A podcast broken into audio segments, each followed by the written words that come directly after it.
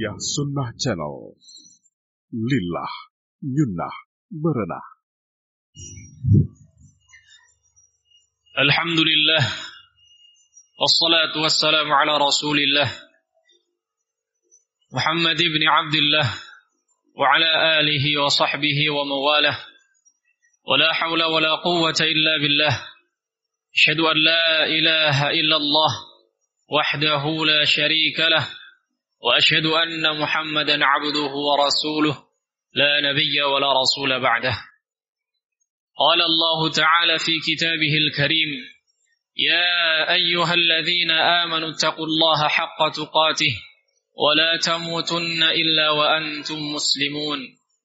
وقال يا أيها الناس اتقوا ربكم الذي خلقكم من نفس واحدة وخلق منها زوجها وبث منهما رجالا كثيرا ونساء واتقوا الله الذي تساءلون به والأرحام إن الله كان عليكم رقيبا. وقال يا أيها الذين آمنوا اتقوا الله وقولوا قولا سديدا يصلح لكم أعمالكم ويغفر لكم ذنوبكم ومن يطع الله ورسوله فقد فاز فوزا عظيما. أما بعد فإن أصدق الحديث كتاب الله وخير الهدي هدي محمد صلى الله عليه وسلم وشر الأمور محدثاتها وكل محدثة في الدين بدعة وكل بدعة ضلالة وكل ضلالة في النار. اللهم صل على محمد وعلى آل محمد كما صليت على إبراهيم وعلى آل إبراهيم إنك حميد مجيد. وبارك على محمد وعلى آل محمد كما باركت على إبراهيم وعلى آل إبراهيم إنك حميد مجيد الحمد لله kita bersyukur kepada Allah Subhanahu wa taala Zat yang telah memberikan segala kenikmatan dan karunia kepada kita semua sehingga di kesempatan siang hari ini Allah Subhanahu wa taala masih memberikan begitu banyak kenikmatannya kepada kita. Di antara kenikmatan tersebut adalah Allah Subhanahu wa taala masih memberikan kesempatan kepada kita untuk berjumpa dengan bulan Ramadan dan juga memberikan kesempatan kepada kita untuk melaksanakan salah satu di antara kewajiban yang Allah Subhanahu wa taala tetapkan bagi kita semua. Maka perlu disadari ini semua merupakan kenikmatan yang Allah Subhanahu wa taala berikan kepada kita hingga saat ini. Para hadirin sekalian sidang Jumat rahimani Allah wa iyyakum jami'an. Di antara bentuk mensyukuri kenikmatan kepada Allah Subhanahu wa taala tentu saja adalah dengan kita berusaha untuk senantiasa meningkatkan ketakwaan kita kepada Allah Subhanahu wa taala dan ketakwaan yang dimaksud adalah tentu saja melaksanakan setiap apa yang Allah perintahkan sekaligus menjauhi setiap apa yang Allah larang atau haramkan di dalam syariat. Tak lupa juga kita senantiasa bersalawat kepada Nabi kita yang mulia Muhammad sallallahu alaihi wasallam juga kepada keluarganya, sahabatnya beserta orang-orang yang istiqamah meniti di atas jalan sunnah beliau hingga akhir zaman. Hadirin sekalian, sidang Jumat rahimani Allah wa iyyakum jami'an. Allah Subhanahu wa taala berfirman dalam sebuah ayat, "Wa inni laghaffarun liman taba wa amana wa 'amila salihan tsumma ihtada." Allah berfirman, Sesungguhnya aku adalah zat yang maha pengampun bagi siapa saja yang bertaubat kepadaku atau yang meminta ampun kepadaku dan bertaubat kepadaku dan aku akan memberikan hidayah kepadanya. Perlu diketahui ikhwas sekalian, sidang Jumat rahimani Allah wa iyyakum jami'an. Sesungguhnya Allah Subhanahu wa taala menciptakan kita sebagai manusia dengan banyak sekali kekurangan yang dimiliki oleh manusia seperti kita. Sungguh manusia memiliki banyak sekali kekurangan dan di antara kekurangan tersebut adalah bahwa manusia seluruhnya sering kali melakukan keburukan, sering kali melakukan maksiat kepada Allah Subhanahu wa taala di dalam hidupnya. Namun Allah Subhanahu wa taala adalah zat yang maha bijaksana dan juga zat yang maha pengampun bagi para hambanya. Oleh karenanya Allah subhanahu wa ta'ala mensyariatkan kepada kita semua sebuah ibadah yang sekiranya bisa menutupi kekurangan tersebut. Ibadah tersebut adalah al-istighfar, yaitu memohon ampun kepada Allah Subhanahu wa taala atau ucapan astaghfirullahal azim yang artinya aku memohon ampun kepada Allah yang Maha Agung. Ikhwati fillah sidang Jumat rahimani Allah wa iyyakum jami'an. Namun perlu kita ketahui dan juga sadari bahwa sungguhnya amalan istighfar yang mulia ini tidak hanya bisa menghapuskan dosa seorang hamba saja. Lebih daripada itu, sesungguhnya istighfar memiliki banyak sekali keutamaan, memiliki banyak sekali faedah, memiliki banyak sekali manfaat bagi siapa saja yang mengucapkannya dengan hati yang tulus. Disebutkan banyak di dalam ayat-ayat Al-Quran ataupun hadis-hadis yang sahih tentang keutamaan daripada amalan istighfar yang agung ini. Di antaranya adalah sesungguhnya amalan istighfar bisa mendatangkan kepada seorang hamba kebaikan ataupun kenikmatan dari sisi Allah Subhanahu wa taala. Allah menyatakan dalam surat Hud, "Wa anistaghfiru rabbakum thumma tubu ilaihi yumatti'kum mata'an hasanan ila ajalin musamma." Allah berfirman, dan jika seandainya kalian meminta ampun kepada Allah Subhanahu wa taala, yumatti'kum mata'an hasana. Sungguh pasti Allah akan memberikan kenikmatan yang baik kepada kalian ila ajalin musamma sampai batas waktu yang telah ditentukan. Kemudian di antara manfaat yang lain daripada amalan istighfar juga adalah bahwa sungguhnya istighfar bisa memberikan kekuatan atau diberikan kekuatan oleh Allah Subhanahu wa taala di atas kekuatan yang sudah kita miliki. Sebagaimana yang dikatakan oleh Nabi Hud alaihi salam yang Allah abadikan di dalam surat Hud itu sendiri. Allah berfirman, "Wa ya qaumi istaghfiru rabbakum thumma tubu ilaihi يرسل السماء عليكم مدرارا ويزيدكم قوة إلى قوتكم ولا تتولوا مجرمين. وهي كومك كتنابي هود عليه السلام كبرى كوم. من تألح كاليان أمبون كبرى توهن كاليان Mintalah ampun kalian kepada Allah subhanahu wa ta'ala dan bertaubatlah kepadanya. Yursilis sama'a alaikum midrara. Niscaya Allah subhanahu wa ta'ala akan menurunkan hujan yang lebat dengan penuh keberkahan.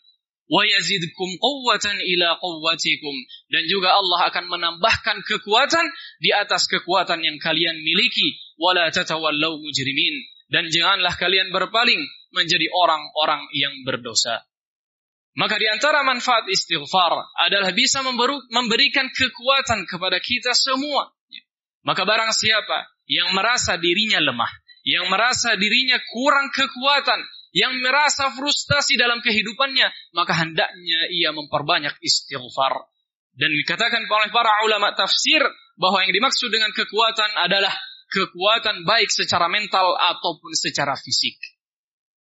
Kemudian di antara manfaat daripada amalan istighfar ini yang lain adalah bahwa sungguhnya amalan istighfar dapat memberikan atau bisa menjadi salah satu sebab diberikannya kepada seorang hamba kenikmatan yang banyak. Sebagaimana yang disebutkan atau yang dikatakan oleh Nabi Nuh kepada kaumnya. Yang diabadikan juga di dalam surat Nuh.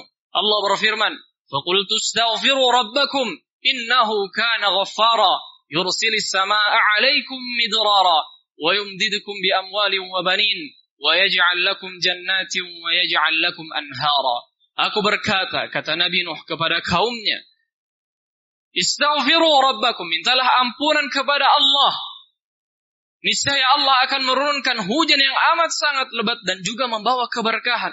Wa yumdidukum bi amwali wa banin dan akan melimpahkan harta kalian dan juga memperbanyak keturunan. Wa yaj'al lakum jannati wa yaj'al lakum anhara dan juga Allah dengan istighfar tersebut akan menjadikan ya, lahan-lahan ataupun tanaman-tanaman kalian menjadi lebat dan juga mengalirkan sungai-sungai di tengahnya.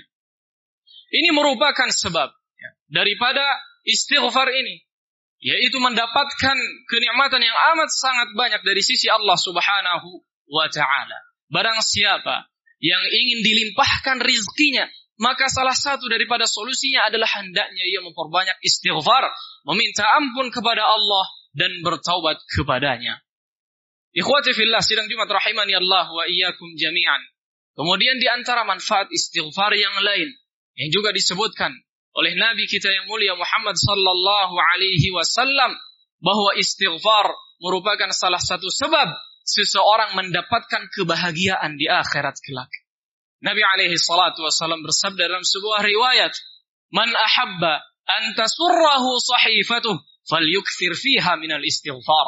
Barang siapa yang ingin dia berbahagia ketika melihat catatan amalannya di akhirat, falyuksir fiha minal istighfar, maka hendaknya ia memperbanyak ucapan istighfar, meminta ampun, bertobat kepada Allah Subhanahu wa taala. Di riwayat yang lain, Nabi alaihi salatu wasallam bersabda, "Man lazimal istighfar, ja'alallahu lahu min kulli hammin faraja wa min kulli dayyiqin makhraja wa razaqahu min haitsu la yahtasib." Dalam riwayat Nabi, dalam riwayat yang lain, Nabi alaihi salatu wasallam bersabda, Man lazimal istighfar. Barang siapa yang senantiasa melazimkan istighfar. Artinya memperbanyak istighfar dalam kehidupannya. Ja'alallahu lahu min kulli hammin faraja. Maka Allah pasti akan memberikan solusi kepada permasalahannya. Wa min kulli dayyiqin makhraja. Dan akan melapangkan dadanya yang sempit. Wa razaqahu min haithu la yahtasib dan Allah akan memberikan rizki dari arah yang tidak pernah dia sangka-sangka. Barakallahu li wa lakum fil Qur'anil azim wa nafa'ani wa iyyakum bima fihi min al-ayati wa dhikril hakim wa taqabbalallahu minna wa minkum tilawatahu innahu huwal ghafurur rahim.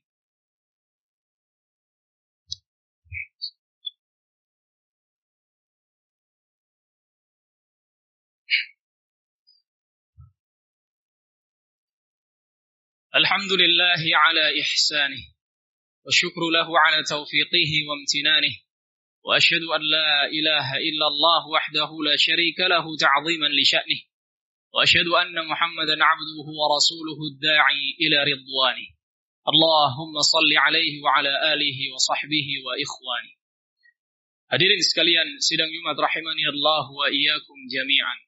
Masih banyak sekali keutamaan, manfaat ataupun faidah daripada amalan istighfar ini yang disebutkan di dalam banyak hadis ataupun ayat-ayat di dalam Al-Qur'anul Karim. Namun beberapa manfaat daripada istighfar yang tadi kita sampaikan seharusnya sudah cukup bagi kita untuk memotivasi agar supaya kita memperbanyak istighfar.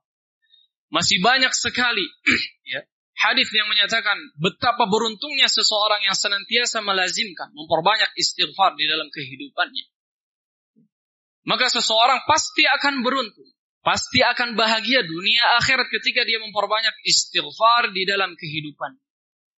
Namun yang perlu kita sadari adalah ini juga yang dilakukan oleh baginda Nabi kita yang mulia Muhammad sallallahu alaihi wasallam di mana diriwayatkan bahwa beliau alaihi salatu wasallam bersabda dalam sebuah hadis Wallahi inni la astaghfirullah wa atubu ilaihi fil yaum أكثر من سبعين مرة وفي رواية مئة مرة Nabi alaihi salatu wasallam bersabda, Wallahi, aku bersumpah demi Allah, sesungguhnya aku meminta ampun kepada Allah dan bertaubat kepadanya dalam sehari lebih dari 70 kali.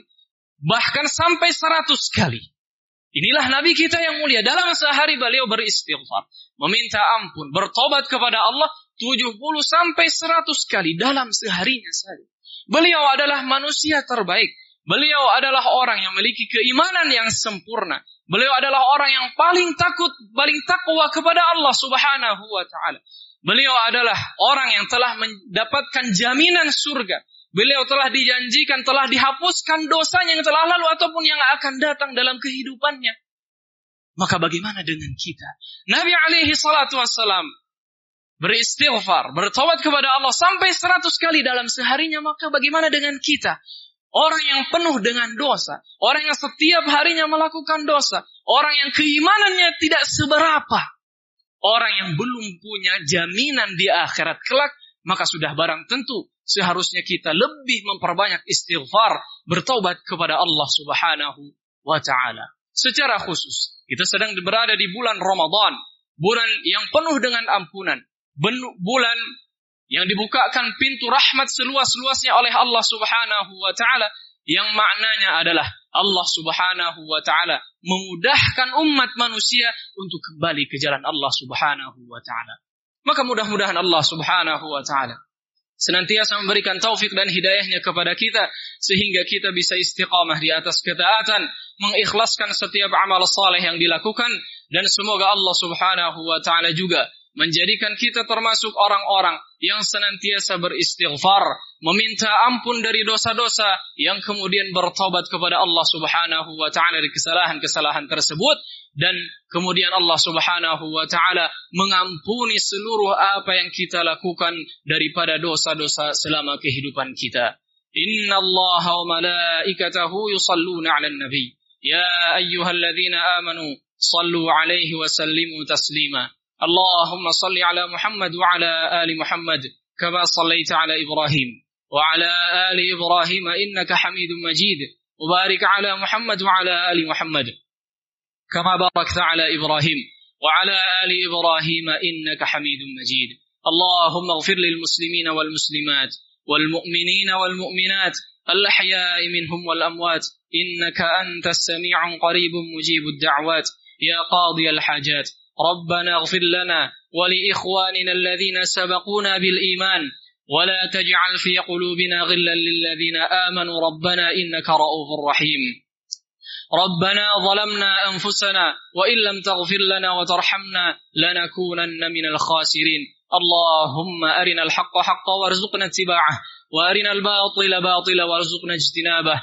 ربنا هب لنا من أزواجنا وذرياتنا قرة أعين واجعلنا للمتقين إماما. ربنا آتنا في الدنيا حسنة وفي الآخرة حسنة وقنا عذاب النار. وقنا عذاب النار. وقنا عذاب النار. سبحان ربك رب العزة عما يصفون وسلام على المرسلين والحمد لله رب العالمين. أقم الصلاة.